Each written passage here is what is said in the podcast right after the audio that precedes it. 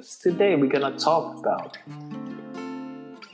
penyesalan dan 2019. Oke. Oke, jadi Eri, Anita Herina, uh, tell us about yourself. Oke, so nama aku Anita dan aku sekarang lagi studi di Glasgow. Jadi kita kayak konversasi jarak jauh nih ya. iya ya, konversasi inter uh, internasional. Pertama nggak sih? Iya, yeah, this is the first time konversasi uh, terjadi dengan apa terjadi di dua negara yang berbeda. it's super weird, it's super hard karena biasanya konversasi itu benar-benar ada uh, orang yang bertetap muka langsung ya. Jadi it's somewhat uh, ada interaksi yang benar-benar kerasa di situ. Tapi ini pertama kalinya kita konversasi menggunakan Anchor teman-teman. Dan ini hmm. dari Makassar, Glasgow dari Indonesia ke Skotlandia. Jadi first of all teknologi itu luar biasa banget sih maksudnya kayak how we think banyak sebenarnya ada tools-tools yang kita bisa pakai untuk tetap bisa connect yeah. sama uh, orang yang jauh gitu. Really agree.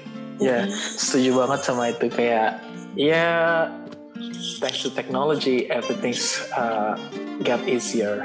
Ya. Yeah. Mm -hmm. Oke, okay, jadi uh, back to topic. mm-hmm. um, ya jadi kan mm -mm. jadi kan ini apa banyak banget nih orang-orang yang udah bikin podcast 2019 rewind dan menceritakan 2019 mm. 2019 mereka. Tapi this time we want to talk about regrets buah penyesalan. So yeah. There you go. Oke, okay, so um, jadi sekarang aku kan lagi studi di Glasgow. Dan um, ya di sini kebetulan aku nggak ada keluarga sama sekali. Dan di sini aku studi untuk master memang cuma setahun sih, tapi bahkan untuk berangkat aja itu kayak butuh perjuangan gitu. Jadi 2019 ini sebenarnya uh, tahun di mana aku membuat keputusan yang cukup besar gitu. Dan uh, untuk ya untuk menjadikan keputusan ini kenyataan itu kita butuh uh, action. And those action bakal menghasilkan beberapa pengorbanan. Apalagi kalau udah tahu yang namanya kayak kita bakal ninggalin uh, tempat kita berasal dan kita bakal starting ya dibilang starting a new life. Iya. Yeah. uh, Padahal sebenarnya ya masih banyak juga hal-hal yang mungkin bisa diurusin atau hal-hal yang penting untuk kita handle back at home gitu. Tapi ya you left you left uh, Indonesia kan, kamu meninggalkan uh, Bali ya Bali. Mm -mm. And when we talk about regrets, do you have something that you uh, regret because you living Bali? uh, too fast atau tiba-tiba living Bali, living Indonesia? Is there something that uh, hold your feeling here kayak hmm. bikin kamu merasa apa ya tertahan gitu? uh, lucunya gini, selama ini aku nggak pernah nggak pernah menganggap bahwa regret itu adalah hal yang positif. Jadi selama hmm. ini aku selalu ngerasa wah regret itu adalah a negative feeling. Well, it is obviously a negative feeling. Tapi uh, di tahun 2019 ini aku diajarkan bahwa hmm. wah we have to accept regret in order untuk bisa menerima regret ini di hidup kita gitu loh. Karena terkadang kalau kita semakin menolak regret ini, semakin ngerasa bersalah justru dan itu ah. uh, rasa bersalah itu bakal lebih besar. Jadi yang aku pelajari uh, selama meninggalkan Bali ini adalah yang pertama, aku pastinya miss dong. Uh, aku melewatkan beberapa event-event atau momen penting yang yang bisa terjadi di uh, di Bali, misalnya kayak. For example, for example. Yeah. Ya acara ya simpelnya deh acara keluarga ulang tahunnya siapa hmm. terus habis itu ada berita-berita apa misalnya di Indonesia tentang uh, waktu itu kebetulan ada lagi ada kerusuhan yang um, apa sama mahasiswa Papua dan lain-lainnya oh, yang ya, sampai ya, ya. ya itu juga maksudnya berita-berita seperti itu juga secara tidak langsung mempengaruhi uh, rasa rinduku sama rumah terus ditambah lagi ada ya ini ketakutan semua orang yang study abroad sih sebenarnya bahwa akan uh -huh. ada beberapa hal yang mereka uh, lewatkan dan mereka di sini merasa helpless karena mereka nggak bisa segampang itu uh, pesan tiket pulang gitu atau misalnya yeah. besoknya langsung ke sana. Ah, jadi ya. Yeah. Uh, Apalagi jadi, kalau ada orang-orang yang ini orang-orang yang benar-benar penting bagi kita gitu kan kayak I really need to be there but I can't because yes. I have decided to be here gitu. Uh, uh. Ditambah lagi, uh, uh, ditambah lagi kan aku juga memang decide aku nggak bakal balik ke Indonesia sebelum aku hmm. lulus gitu dan di sini teman-temanku juga ada beberapa yang seperti itu tapi ya mereka setidaknya um, gimana ya bisa meluangkan meluangkan diri secara waktu, energi dan finansial untuk balik ke Indonesia misalnya.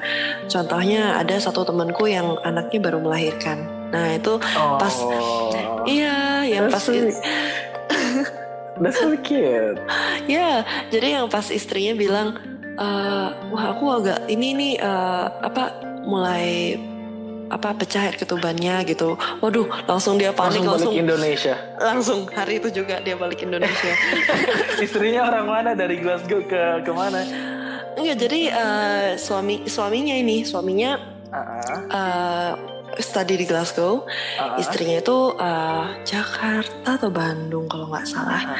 Uh, nah, jadi uh, so dia langsung banget sih, iya. so banget sih. Jadi studinya ke hall dulu dong atau dia gimana sih?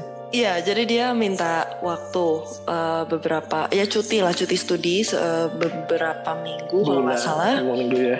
Ya, terus habis itu pulang uh, sambil ya ngelihat anaknya lah gitu. Kalau aku kan ya nggak uh, bisa segampang itu gitu. Iya masih oh. masih belum ada juga mm -hmm. alasan yang benar-benar bisa membuat kamu harus benar-benar ada di Indonesia. Ya, ditambah lagi hal lain adalah ketika misalnya orang yang kita pedulikan atau orang yang kita um,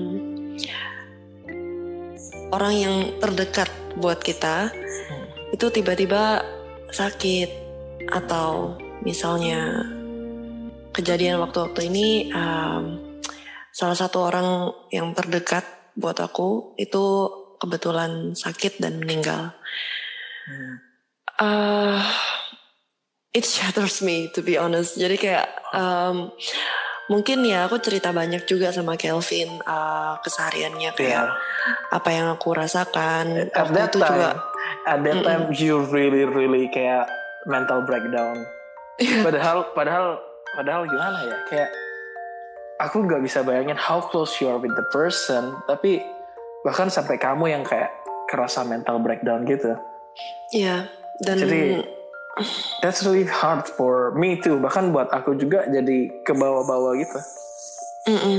dan aku bayangin memang sebenarnya itu bukan uh, kayak orang yang kandung atau atau misalnya kayak ya itu sebenarnya papa sih aku manggil hmm. papa juga papa. jadi walaupun walaupun bukan papa kandung tapi ya you know the feeling when hmm. you lose someone that matters to you no, that close. di situ aku ngerasa kayak sedih banget karena aku di sini nggak bisa ngapa-ngapain aku nggak bisa ada di sana pada saat uh, beliau sakit aku nggak bisa ada di sana untuk menenangkan keluarganya aku nggak bisa ada di sana untuk menghadiri atau membantu persiapan acara uh, kayak kremasi, persiapan dan lain-lainnya di rumah duka. Hmm. Aku di di saat itu aku aku feeling kayak helpless gitu, kayak terus terus kamu bisa ngapain gitu pada saat yeah. aku, di sini misalnya aku uh, nangis atau yeah. apa aku aku mau ekspresiin ke siapa gitu hmm. di mana orang-orang mungkin di sekitarku nggak merasakan itu uh, dan kalau misalnya aku tiba-tiba nelpon gitu nelpon ke uh, saudaraku atau siapa di rumah dengan keadaan seperti ini mereka pun juga pasti worry dan mereka juga pasti akan kebawa kenapa? Kenapa kamu kenapa gitu? Hmm. jadi uh, ya the feeling of helplessness itu juga jadi salah satu uh, hal yang mungkin aku uh, bisa bilang men-trigger rasa regretku. Penyesalan itu. So ada that ada ada point uh, let's say uh, just let's say mungkin itu hal yang paling kamu regret tahun ini atau bukan? Atau is there anything else yang kamu mau ceritakan? Is, is that the most uh, painful memory for 2019? Itu painful, to be honest. Uh -huh. Tapi kalau dibilang the most painful, aku uh, sebenarnya nggak sempat ya um, memikirkan ranking yang oh. mana yang paling painful gitu. That's like, oh ya yeah, yeah, yeah. But Jadi aku I want kayak, to say, yang aku mau bilang kayak gini sih sebenarnya kayak, um, so if you are that time, kamu benar-benar di poin paling bawahmu, dan sekarang kamu bisa naik lagi, apa sih yang inspire kamu dari perasaan regret itu sampai kamu bisa berdiri kembali lagi sampai sekarang dan ya yeah, living the Christmas vibes right now di sana di sana lagi Christmas banget ya Uh, well, udah udah selesai sih Christmas. Udah selesai. udah, udah mau tahun baru. Uh, uh. Um, ya tergantung situasinya sih sebenarnya Kelv. Jadi kayak misalnya, uh, okay, kejadian waktu itu tuh. Kejadian uh, waktu itu. What makes my, you stand again? Ya realizing the situation bahwa kita nggak bisa mengubah itu Ditambah lagi kalau itu adalah kejadian di mana orang terdekat kita misalnya uh, have to leave this world for good. Itu bukanlah something yang kita bisa change. Itu bukanlah something yang kita uh, harus pikirkan terus-menerus karena life goes on anyway. Kalau kita akan stuck di satu momen, kayak itu nggak akan bantu apa-apa sebenarnya di hidup kita. Hmm. Kayak aku ngerasa kalau aku terus mikirin wah sekarang sudah misalnya sudah meninggal terus aku harus gimana di sini kayak kalau aku terus berpikir seperti itu apa kabar sekolahku di mana di saat itu aku juga masih banyak assignment masih padahal, banyak exam iya padahal or harapan orang terdekat kita adalah kita menjadi lebih baik kan iya benar gak sih jadi mm -mm. itu hanya bakal bikin orang-orang terdekat kita bakal sedih banget kalau lihat kita terpuruk terus. I think, yeah. I think like that. Tapi terpuruk itu sebenarnya bukan terpuruk ya, apa ya bilang ya, kayak hmm, the feeling, feeling sad. Mm-hmm. Yes, the feeling of regret, the feeling of sadness itu sebenarnya normal karena ya kita namanya manusia, kita nggak bisa kabur se seberapapun ah. perfectnya hidup kita atau seberapapun uh. orang merasa bahwa hidup kita itu berbahagia. Tapi sebenarnya manusia tuh masih boleh masih boleh merasa sedih, masih boleh hmm. uh, apa ya? Regret it seems a power seems like a powerful word, tapi sebenarnya like kita masih a natural feeling yang makes you human. Iya. Yeah. Yeah. Uh -uh. Tapi anyway, by the way guys, uh, buat teman-teman yang wondering, Anita Verina dulunya waktu dia uh, S1 dia ambil jurusan psikologi. Yes dan dia sekarang jadi Anita Verina SPSI ya atau SS apa sih? Uh, SPSI. SPSI. Aduh nggak usah ngomong gelar lah. Iya, yeah, but but that's why I think karena kita kan talking a lot about psychology here, about the yeah. regrets and the the the feeling after regrets and how we rise up it's really stick with psychology and we talk about that. Jadi harus ada basisnya juga dong. Kayak eh, ini orang siapa sih kok ngomong psikologi semua? Tapi kan ya, as you know, as you see, mm -mm. you study that. Ya sebenarnya gini kalau misalnya uh, regret atau misalnya the feeling of grievance itu ada step-stepnya juga. Mm-hmm. Nah tapi, yeah, uh, uh, I got a question. I got a question Yep, yep. Jadi sebagai orang yang sudah mempelajari psikologi, yang udah udah tahu step-stepnya, yang kamu belum ceritain kan, tapi at that time dan kamu merasain itu benar-benar hits you on your face, mm. Kamu bahkan kayak ngeblank gitu kan, kayak how you feel? Is is it feeling like really dark or something? Mm, at that time Iya sih, kayak aku ngerasa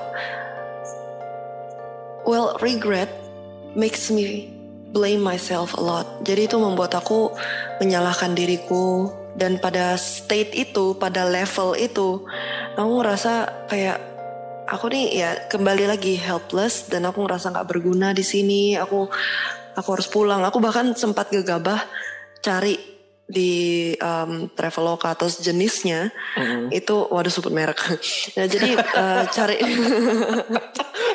It's okay, it's okay. Ya cari um, cari tiket pulang lah intinya. Ah. Jadi aku sampai sempat uh, mau beli tiket pulang, udah udah sempat sampai lihat harganya, ya ampun tuh mahal banget ya. Tapi berapa? Ujung-ujungnya uh, waktu itu Indonesia Glasgow dapat 18 juta. Pulang balik? Enggak, sekali. Ah. One way. Hah? ada ya kalau misal mau cari yang 12 juta ada. Ada juga yang 10 juta. Oh, Tapi kan tanggalnya jauh yeah, banget yeah, dari yeah. dari oh. ini. Karena gitu aku kan ya. langsung beli mau untuk untuk dua hari laginya gitu misalnya kan. ah. kan. Iya iya iya iya. Jadi bayangin itu gimana orang yang mau ngadirin anaknya lahiran. Oke tadi kita sampai di step-step itu ya sampai di how you face it, right? Iya. Yeah. Hmm. Gimana? Um, jadi sebenarnya gini, aku di state grievance itu di situlah aku merasa bahwa it's normal to feel sad, it's normal to feel the regret hmm. dan feeling helpless. Nah setelah itu kita uh, itu sebenarnya pada saat itu kita penting banget mencari social support. Hmm. Jadi pada saat itu kebetulan aku juga ngobrol sama teman-teman terdekat, uh, minta pendapatnya, iya untuk kita um, aku harus gimana kayak gitu. Hmm. Terus ingin pulang nih. Jadi misalnya kita bilang nih, aku udah planning mau pulang, kira-kira perlu nggak gini gini gini. Hmm. Nah kemudian mereka tetap mengingatkan bahwa udah nggak apa-apa ada kita di sini yang gini gini gini jadi kayak mereka juga meyakinkan bahwa it's okay gitu kamu nggak perlu pulang hmm. nanti kita yang akan bantu uh, prosesnya di sana seperti apa yeah. terus habis itu pokoknya social support itu bukan bukan berarti membuat kita melupakan masalah itu tapi lebih tepatnya membuat kita accepted uh -huh. menerima perasaan itu dan be okay with it. Hmm. Jadi yeah. Uh, karena kalau semakin kita menolak, kita akan semakin menyalahkan diri sendiri. Itu yang aku pelajari waktu itu benar-benar kayak aku ngelihat realitanya. Iya sih. Really aku sekarang lagi Iya, I really blame myself. Tapi aku juga setelah itu aku masuk ke level berikutnya yaitu aku kayak um, I see the reality. Di sini aku sedang kuliah dan aku sedang perja lagi menjalani kuliah ini, bukan lagi liburan. Hmm. Jadi nggak segampang itu. Aku misalnya mau langsung pulang, ngambil cuti langsung itu nggak segampang itu. Dan misalnya aku bilang siapa yang meninggal, aku nyebutin papa, tapi bukan papa kandung. Hmm. Nah jadi itu juga uh, jadi uh, apa? So pokoknya banyak pertimbangannya. Dua kita... itu kayak menerima realita gitu. Hmm, Atau apa no, sih? So, wait hmm. Jadi for example nih kalau misalnya uh, ada cowok uh, ditinggal pacar dia regret karena melakukan hal-hal yang tidak baik. Terus yang kedua realitanya adalah aku adalah pria yang kurang baik untuk cewek itu. Kayak hmm. gitu. Atau gimana sih? Jadi gini, uh, stagesnya itu yang pertama denial. Hmm. Denial itu di mana kita kayak nggak percaya itu terjadi kayak kayak kayak oh my ya God. kayak ya masih masih masih shock gitu loh shock hmm. and denial. Terus habis itu uh, di situ kita merasa kayak nggak nggak guna gitu kayak hmm. gitu gitulah. Itu yang bikin kamu merasa Dan, uh, grief grief itu ya kamu merasa. Iya. Uh, terus terus. Dan yang kedua kita marah dan kita melakukan bargaining. Bargaining like. Jadi ya sama seperti misalnya aku pesen tiket pulang. Ah. Nah, aku marah, aku aku marah kenapa aku di sini Ah. atau misalnya kenapa ini You try aku to malah sama diriku sendiri. that, gitu ya. Iya, I try to compensate Ah. that. Eh, aku mencoba untuk kayak biasanya si bargaining itu adalah apa sesi gegabahnya kamu gitu. Oh my god. Alright, alright. Uh-uh. Jadi eh, kamu berusaha gimana caranya escape dari situation itu atau membuat situation itu lebih better in a way that eh, Might useless. ya might be useless juga gitu. Alright, terus terus terus. Terus habis itu lanjut ke depression. Depression. Nah, depression itu adalah justru depression ini adalah uh, sesi sesi, maksudnya kayak stage yang penting. Karena di masa kamu low itu kamu butuh social support.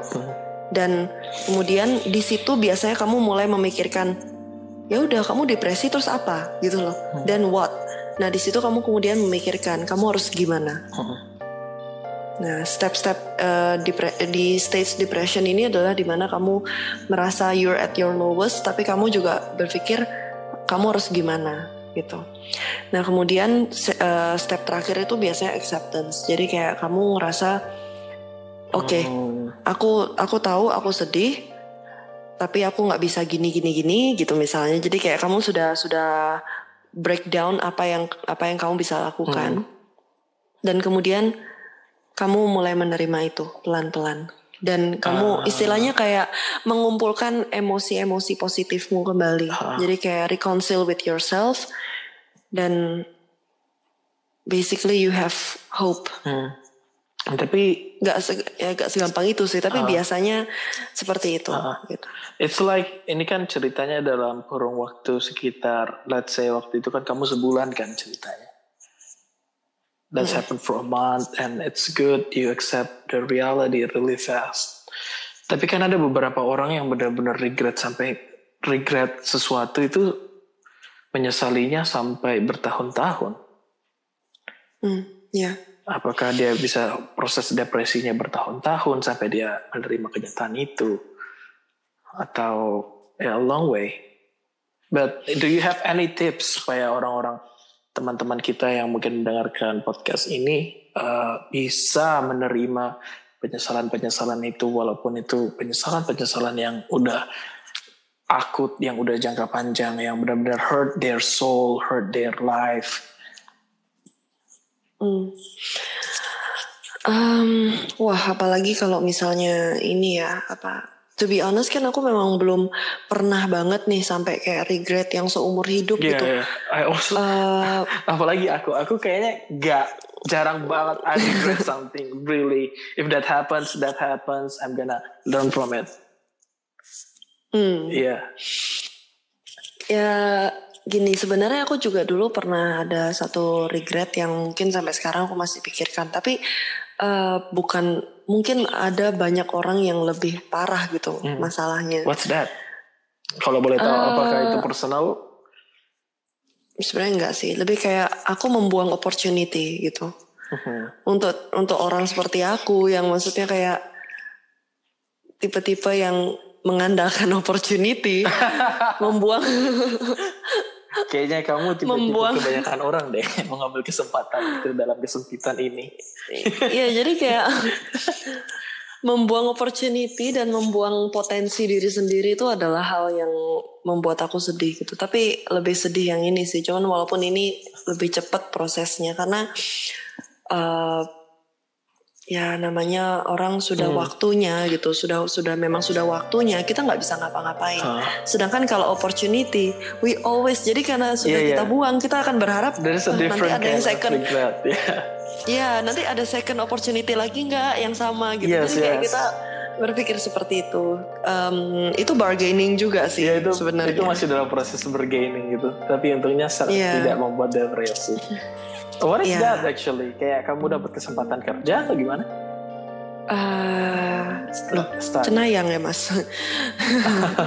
Jadi aku ini sih eh, dulu sempat dapat lowongan kerja, Di mana? eh, tawaran kerja di United Nation. Oh, for real. for real. So that's actually my dream. Uh-huh. Cuman waktu itu aku sudah sempat tanda tangan. Pada saat itu aku sudah sudah tanda tangan kontrak kerja um, di satu perusahaan. Oh, so that time kamu udah ya namanya fresh graduate kan kirim-kirim banyak lowongan ya kali ya. Uh-uh. I see. So. Dan ya itu. Jadi sebenarnya uh, aku pengen banget that. kerja di uh, uh, huh, cuman ya namanya United Nation ya hmm. dia kan uh, headquartersnya juga di Geneva kan di Switzerland hmm. dan itu nggak segampang itu langsung oh ya udah langsung aja besok berangkat ke Geneva nggak segampang itu ngurusin But iya, Switzerland ngurusin really good. Switzerland katanya yeah. katanya temanku katanya si Evelyn dia bilang katanya sistem pendidikan di sana paling bagus kan Uh, kalau so, sistem pendidikan sih sebenarnya tergantung kebutuhan dari negaranya sendiri. Cuman memang Switzerland itu dia uh, negara yang kuat banget di bidang support system.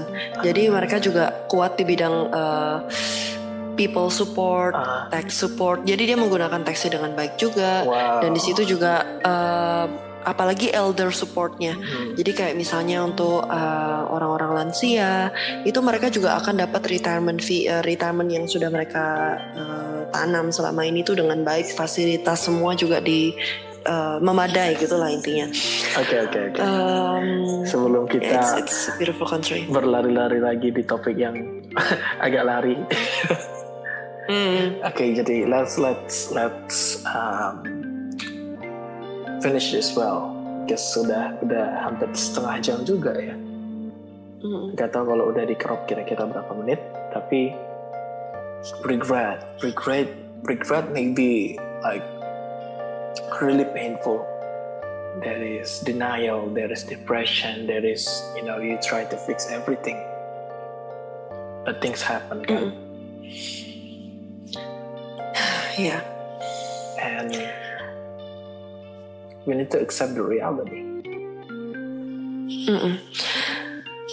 jadi yang aku mungkin aku bukan ekspornya di bidang ini juga ya. Maksudnya kita di sini berbicara di konversasi ini kan juga bukan karena kita tahu banyak soal ini. Yes. Tapi lebih tepatnya kayak apa sih yang kita pelajari dari dari um, regret itu sebenarnya. Dan seperti yang aku bilang di awal tadi, hmm. regret itu sebenarnya memang negative emotion tapi sebenarnya bisa membuat suatu efek positif di bagaimana cara kita menanggapi sesuatu ke depannya. Sebuah proses gitu ya.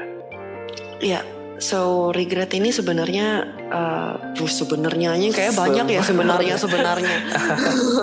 Oke oke. Mana nggak tahu ya benar. Jadi penyesalan sebenarnya sebenar-benarnya uh, intinya gini apa yang aku pikir tentang regret itu dulu aku berpikir aku nggak mau regret aku aku aku nggak ada kok aku nggak punya regret sama sekali I always feel that padahal sebenarnya uh, the feeling of regret itu harus diterima sih kita terima kita sadari itu itu kenapa kamu merasakan regret jadi menurutku yang membantu kita untuk bisa melewati fase regret itu adalah dengan analisis yang benar. Widih, kok saintifik banget ya? Karena mumpung mahasiswa nih sekarang, uh, jadi harus saintifik. Dan kebetulan jadi, karena kita yang kena depresi, kadang we need uh, emotional support from family dan. Yes. Yeah. Jadi um, gini, aku juga ada um, memikirkan sesuatu tentang kayak ya regret itu penting di mana kita juga belajar dari situasi itu kan sebenarnya. Hmm. Dari situasi yang men-trigger rasa regret kita tuh sebenarnya apa sih yang bisa dipelajari. Terus um, dari situ kita kemudian bisa move on ke a better place gitu. Walaupun gak entirely kita bakal lupa tentang regret itu. Tapi kita setidaknya belajar sesuatu dari situ. Jadi nggak cuma sekedar kita nyimpan regretnya aja. Dan kemudian kita merasa marah akan itu. It's a feeling that atau should orang be finished. yang menyebabkan. Kayak gitu gak? Menurutku iya sih. Sebuah Jadi kayak perasaan yang harus punya penyelesaian. Mm -hmm. um, susah kalau memang mau di apalagi kalau definisi orang tentang selesainya masalah itu juga punya level yeah. yang berbeda-beda yeah. kan. Tapi menurutku sama seperti relationship misalnya. Mm-hmm. Moving on is not about finding someone new. Mm. Jadi pada saat kamu bilang sudah move on, itu sebenarnya bukan itu namanya bukan pelarian teman-teman. Waduh. You need to finish it. You need to finish it. Alright. Alright, buddy. Iya, jadi kayak bukan bukan berarti kamu punya pacar baru terus kamu sudah move on dari yang lama, yeah, bukan. Yeah, true. Karena kalau kamu belum menyelesaikan unfinished business kayak rasa menyalahkan mantan. Waduh. Rasa kayak istilahnya rasa rasa menyalahkan pihak luar hmm. dan rasa menyalahkan diri sendiri. Kalau kita belum bisa get rid of that, kita belum siap untuk move on sebenarnya. Hmm. Uh, jadi yang aku pelajari dari regret ini adalah aku belajar untuk mengurangi atau mengikis rasa bersalahku terhadap kejadian itu. Dan aku juga pastinya berpikir kayak apa yang aku bisa lakukan untuk membuat situasi lebih baik. Jadi um, find something that helps you karena sebenarnya diri sendiri kayak diri kita sendiri yang paling tahu apa sih yang menolong buat diri kita. Kayak apa sih yang kita butuhkan untuk situasi ini. Kayak apa ya? Kayak nonton konversasi. Uh, kayak dengerin konversasi ya luar biasa. Adem gitu ya. Eh by the way by the way kamu adalah narasumber pertama. Ya berjenis kelamin wanita di konversasi. Hore Weh, moment empowerment. Luar biasa. 2020 we start with a lot of woman cast, female cast. jeng jeng jeng. Dikumpulkan, dikumpulkan. It should be balanced. Mm benar. Kalau perlu uh, kita uh, enggak, dah kita deh. Apa sih? Iya.